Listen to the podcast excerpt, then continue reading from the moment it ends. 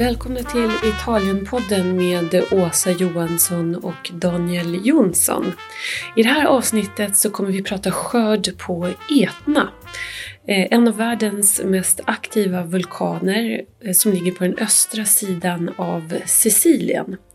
Eh, och det här är en vinregion där det har hänt otroligt mycket de senaste tio åren.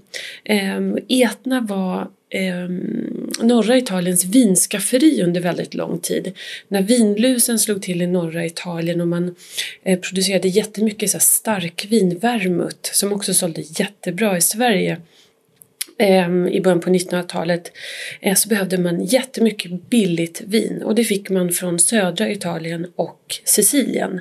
Eh, och väldigt mycket av det här vinet producerades just på Etnas branta sluttningar. Man producerade så mycket vin på Etna i början på 1900-talet att man var tvungen att bygga en ny hamn som heter Riposto så att man lätt skulle kunna skeppa upp vinet eh, längre norrut. Sen så kom vinlusen även till Sicilien, eh, de två världskrigen slog till och hela vinproduktionen eh, föll i glömska egentligen på eh, Etna. Det är ju väldigt speciella förutsättningar på vulkanen. Etna är 3350 meter hög och vinrankorna växer som så små fristående buskar, det kallas alberello på, på italienska. Så egentligen så måste nästan allt arbete göras för hand. Så att under 50 och 60-talet när man ville mekanisera arbetet på vingårdarna eh, så slutade man bry sig om eh, vinproduktionen på Etna. Och så här skulle det vara ända fram till 1988 när familjen Benanti, Giuseppe Benanti, eh, från gården med samma namn. Eh, Giuseppe Benanti han eh, var en framgångsrik entreprenör. Han hade ett jättestort läkemedels... Han arbetade inom läkemedelsindustrin. Och han, när han reste på Etna 1988 så smakade han viner som han tyckte var riktigt dåliga. Och han tänkte att vi måste kunna göra bättre än så här. Så att tillsammans med den idag nästintill kultförklarade vinproducenten och vinmakaren Salvo Foti så började man experimentera med lokala inhemska druvsorter. Eh, de blå Nerello Mascalese, Nerello Capuccio och så en grön druva som heter Caricante. Och resultaten visade sig vara riktigt, riktigt bra. Och sedan dess så är det så här riktig framgångssaga. Idag så är det ju en guldrush till eh, vulkanen. Eh, bland annat eh, berömda Angelo Gaia från Barbaresco har köpt mark här och det har liksom kommit vinproducenter både från Piemonte och Toscana och andra länder som satsar på vinproduktion just på Etna. Det är ju som sagt fantastiska förhållanden, väldigt speciella förhållanden på Etna. Det är ju den här svarta vulkaniska jorden jordmånen full av eh, mineraler. Man kommer upp på hög höjd. Eh, man odlar vin på över tusen meters höjd så att några av Europas högst belägna vingårdar ligger just eh, på Etna. Sen så är ju Etna är aktiv och det märker man där. Senaste gången jag var där nu i början på oktober eh, då hade hon faktiskt ett utbrott och då eh, puffade hon ju verkligen ut rök. Eh, och sen så eh, är det ju så stark kontrast eh, när man står på den här svarta jorden, hög höjd, det är ju svalt även på sommaren. Och så blickar man ut över det ljusblå medelhavet som är en ständig eh, bakgrund. Eh, det är fantastiska omgivningar och man eh, känner sig inte särskilt stor vissa gånger med all den här starka naturen eh, runt omkring sig.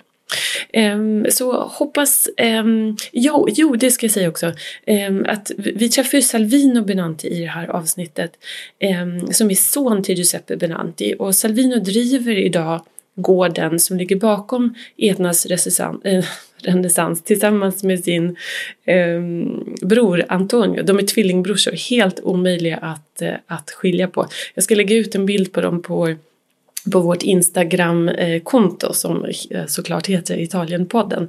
Ehm, och så kommer vi träffa Frank Cornelissen. Eh, och Frank Cornelissen som sagt, han är ju en eh, berömd naturvinsproducent.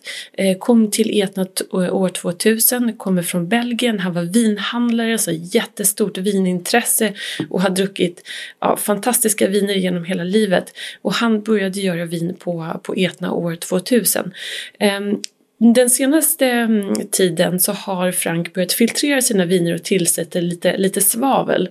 Um, någonting som liksom inte är helt okej okay för naturvinsproducenter, i alla fall vissa. Uh, och det här pratar han också om i intervjun. Nu ska jag sluta, annars blir det för långt intro. Uh, hoppas ni tycker om det, vi hörs snart igen. Ciao ciao! So I'm, I'm here with uh, Salvino uh, Benanti from the Benanti Winery um, on the southern slopes of Etna. That is actually the, the winery that started the Renaissance on Etna in 1988. Um, we, we will have to do a whole episode about you in the future, uh, but this time we will only talk about the harvest in 2019. Um, so you're you're you're running the the winery with your brother Antonio. Yes, um, my yeah. brother and I have uh, taken over the management of the winery um, some seven years ago from my father. My father is one of the early pioneers of uh, fine winemaking on Etna he has always uh, wanted to make very fine wine, and my brother and I had the chance to uh, follow his footsteps, and in the last seven years to be actually in charge, and we're very happy about it. Oh, great! And uh, what, we're going to talk about this harvest 2019 and we've just been out in the vineyards the beautiful vineyards that you have here with really old vines. Some of them are over 100 years old and uh, but we're on the southern slopes and um, most of the red wines are made on the northern slope so what do you think about the harvest 2019 right. First of all i should say that in this specific uh, moment you and i are talking um, in our Monteserra estate, which is in the southeast of Etna. But we actually have four vineyards on Etna. Uh, southeast, Contrada Monteserra, southwest, Contrada Cavaliere, east, Contrada Rinazzo, and north, Contrada da Fara Galluzzo. Each one of them is different, and each represents the peculiarities of its specific contrada. So, yes, today we have started harvesting our lower vineyards on the southeast side. And in the next few weeks, we'll be moving to our other vineyards located in the um, east and north of Etna. So far, it has been quite a dry harvest. We didn't really get much rain from April until uh, the beginning of September. So, in general, we can expect uh, lower yields than usual with quite some concentration of the, um, of the uh, grape element. Um, so higher alcohol, you mean? A little more sugar? Probably, if not necessarily on the label, uh, there's definitely going to be more of alcoholic perception. Um, as you know, uh, in Italy, uh, alcohol is expressed in uh, 0.5 percentage points. So you always end up rounding up or down a little bit depending on which value is closer. So although wines may appear to have a same alcohol content on the label, that is an approximation. The alcohol perception in this vintage should be higher than last year's and should be similar to other warm vintages, like, for example, 17. Um, so, yes, definitely this will go down in history as a warmer harvest than normal the rains in uh, uh, early September have uh, given uh, the vines a little bit of a more recent boost, uh, but most of the season was really quite dry. Mm. we will be harvesting uh, in the next couple of weeks all over Etna. And now today is the 3rd of October, so it's, it's, it's not what you expect from Sicily. It's a very, very late harvest on Etna since the altitudes are very, very high. We sometimes reach almost a thousand meters above sea level. Yes, the appellation uh, goes around the mountain from north through east and to south. So it includes three out of four sides of Etna it only excludes the west, which is very far from the sea and therefore does not benefit from any mitigation effect from the sea breeze. But in the three good sides of Etna, north, east, and uh, south, we tend to harvest on average much later than any, anybody else in Sicily because our grapes ripen later and our climate is much cooler, especially in the evening, and therefore we should be considered uh, a mountain uh, appellation and not so much a Sicilian uh, mm. wine region. We benefit from high elevations, cool nights, very good acidity, and therefore our grapes are harvested much later than everybody else in Sicily. Mm. Which means that sometimes we have to face some unpredictable weather. in Yeah. the beginning of the autumn. But that is part of the game, and uh, And we how have do to you manage? How do you manage the tension? What do you do to manage the tension? Let's say that in general we Drink more um, wine, or we see a lot of vintage variation uh, because uh, um, the month of October, which is crucial, just when we harvest, could be quite warm or quite cool, depending. Mm. September also. So vintage variation is uh, is crucial to Etna, and it also makes makes the wines very interesting because every year you will find different uh, different profiles in the wine Mm. within the general Etna mainframe. And here's not only a mountain, it's a volcano. So it's kind of an incredible area. It's really fantastic to be here with the sea and the volcano and the black soil and very, uh, like all you produce is very charismatic and, and, and driven. So it's, it's a fantastic place to visit. It's a very uh, unconventional wine regions which combines so many original elements. Volcanic soils are not uh, exclusive to Etna. There are a few volcanic wine regions around the world. Some no longer have a volcano because the volcano has maybe collapsed underground over the millennia. Here we still have a volcano and we still have eruptions. There was one yesterday, mostly smoke. Those are the ones we, let's say, like more because we benefit from uh, the addition of new ashes to our soil without the downsides of lava, which can be sometimes be painful to manage. Although eruptions occur at very high elevations and lava never really does any damage, at least not in the modern era. In the beginning of the 1900s, we did get some nasty eruptions that have destroyed vineyards, but today man is more prepared. So, yes, uh, we have elevation, we have volcanic soils, we have uh, swings in temperatures that help the wine fix its. Uh, um, its uh, specific uh, um, Like aromatic nose profile elements, and- aromatic profile, and acidity.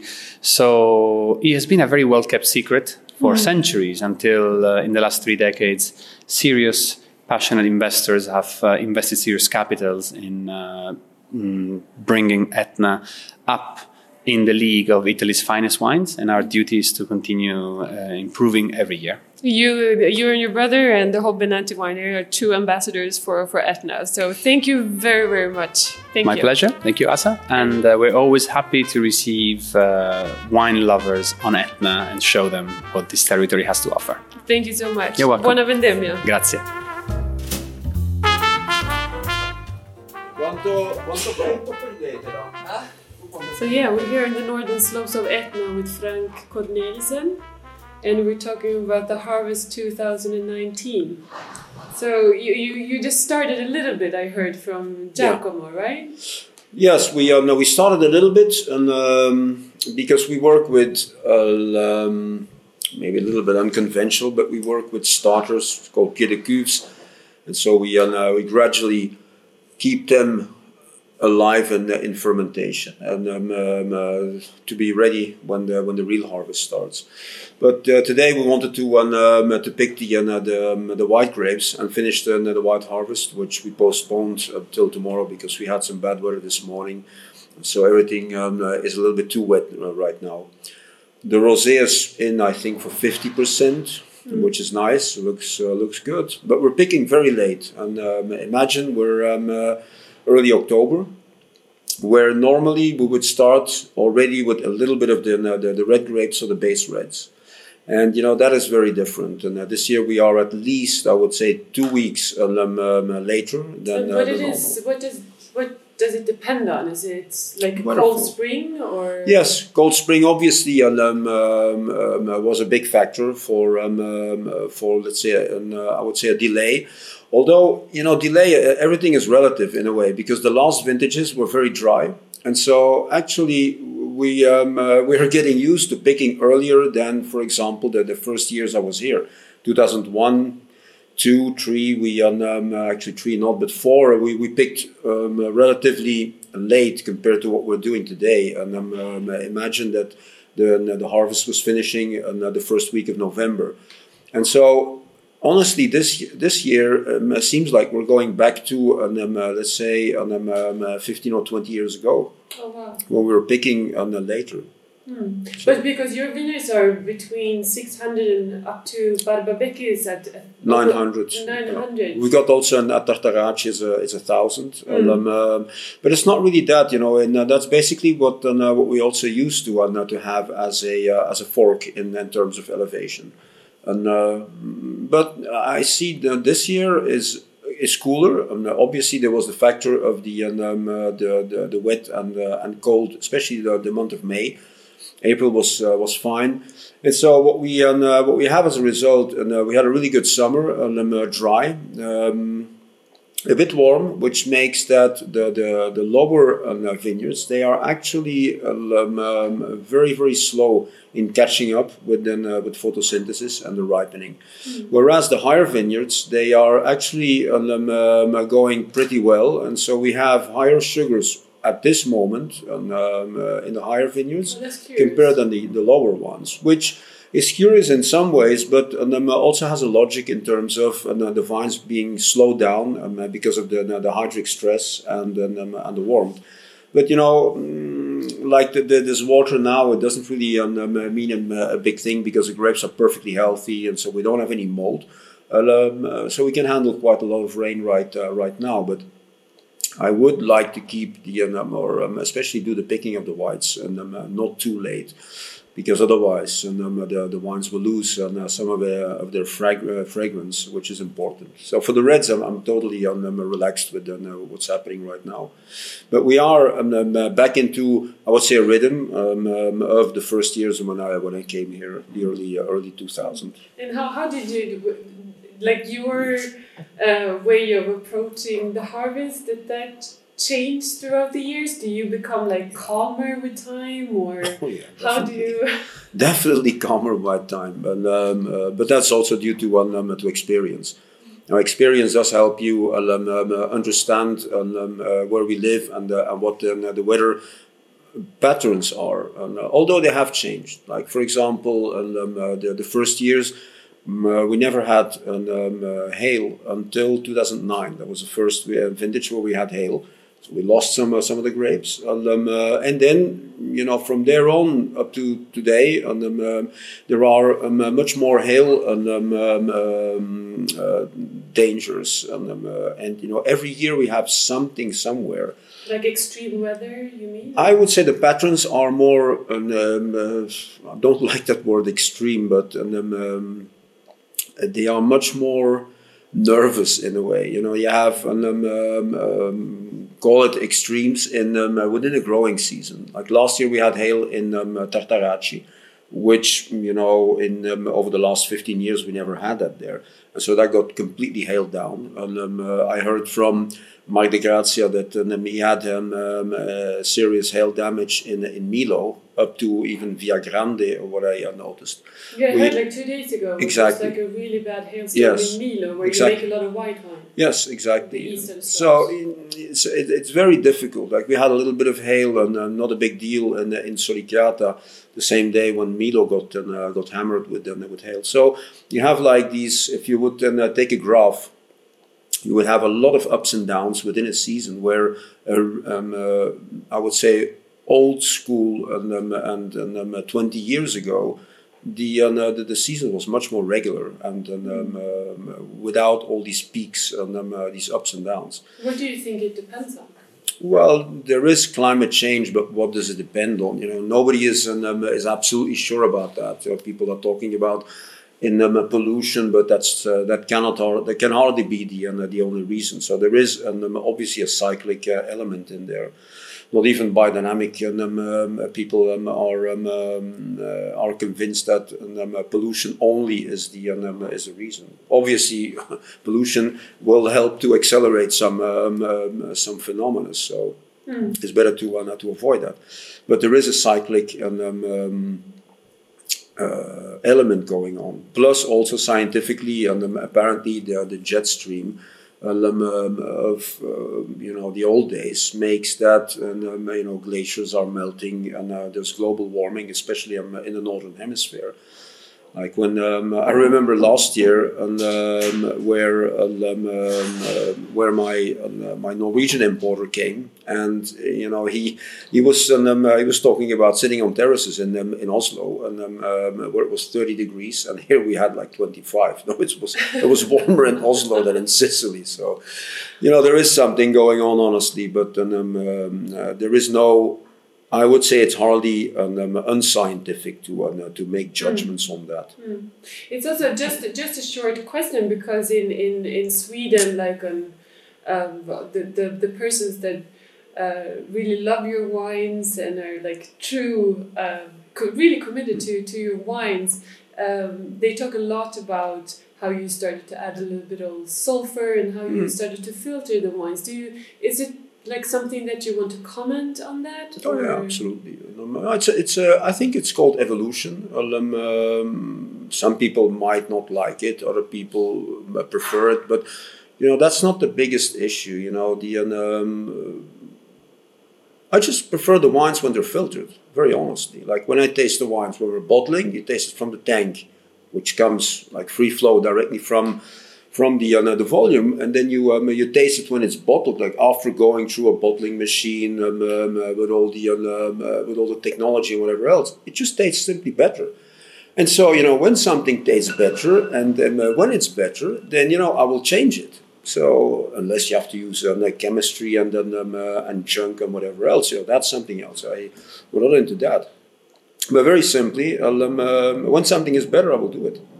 Just really simple. The same thing with the corks. Like a lot of them, um, um, them um, um, asking like, why do you use these things, which seem to be complicated. They are technically complicated and complex, let's say. What kind of cork do you use? Ardea seal. Uh, Ardea seal because you know it's it's elaborate for breeding. Um, um, it has great holding power over time, and it breeds exactly the But same. it's a synthetic cork. Well, it's- it breeds exactly the same per every bottle, which is absolutely the fundamental reason which cork, natural cork, can never give that. And so it, it also lasts in time. So why not using it? It's better than all the rest. So I use it. And that's the same with technology. So if I um, uh, understand, like filtering cost me 15 years mentally to um, uh, to take that step. But then you try, you um, uh, you taste, and then you know you have to be intellectually honest with yourself. If it's better for yourself, then you do it. So you know, again, there's people saying like, "I want unfiltered wines." Well, I can understand that, but I'm not making those wines anymore now. I think they're better. The reason for the sulfur is, on, um, um, uh, on, on the other hand, is a different story. I think um, when you use um, sulfur, you um, uh, you have to be conscious also of the raw material. And so this year, for example, so far no sulfur. And so if it's a great vintage, no sulfur. But if the vintage is not really that good, if it's um, uh, really if it's shaky, if it's too risky, then you know we uh, we use sulfur, obviously in a in a, in a micro dose. And, um, um, and so analysis wise, I sent it also to um, to my importers in Sweden. You know, you, you wouldn't even tell the difference and um, chemically and um, between whether I use it or not. So So just relax a little bit. no, it's not relax a little bit. You know, I I was asking myself um, questions. You know, and, um, um, why do you do this and why do you do that? And so, and, and that goes in, in, in both ways, like in, um, avoiding technology and, and using it. So mm, I'm, I'm not against it. I'm just asking a question: Do you really need it or not? And so, when you need it and it doesn't damage the you know, the, the core um, and the essence of what you're doing and your product, then I will use it. I'll apply it. Everybody's also always talking bad about computers and and, and internet and, uh, and webs and kids. They use it too much. Well, then hell, you know, you just make them not using it. But it's not that the internet is bad. It's the application. It's the use of it. It's the same like in, uh, with sulfur. You know, there's nothing really bad about it because nature had already foreseen it. It's just how much do you use it. So it's the use of it and not the fact that it's there. You know. Sure. Also, arsenicum is, um, is there in nature, and um, uh, it just depends on um, uh, on uh, on the quantity you uh, you put into your body. And then next year you will. It's, it's like twenty years on Etna for you. Yeah. Two thousand and twenty. It's true. 20, uh, 20 harvests next year. Yeah. And nice. will you will you celebrate in some way? I think so in some way. And um, um, um, maybe yes, maybe no. I'm, uh, I'm not going to make big plans with them for that. You know, in celebration terms, I would prefer 25. It's like with the um, um, um, with marriages. You know, the 10th anniversary of your marriage. Then you go to the 25th and then 50. And so I would I would rather do 25. Then um, uh, that would be nice. So we have to wait for the party. Yes, and um, uh, we'll do. And the 25 will um, uh, we'll throw a party. That's for sure. Okay. Thank you so much, Frank. All right, thanks. Thank you.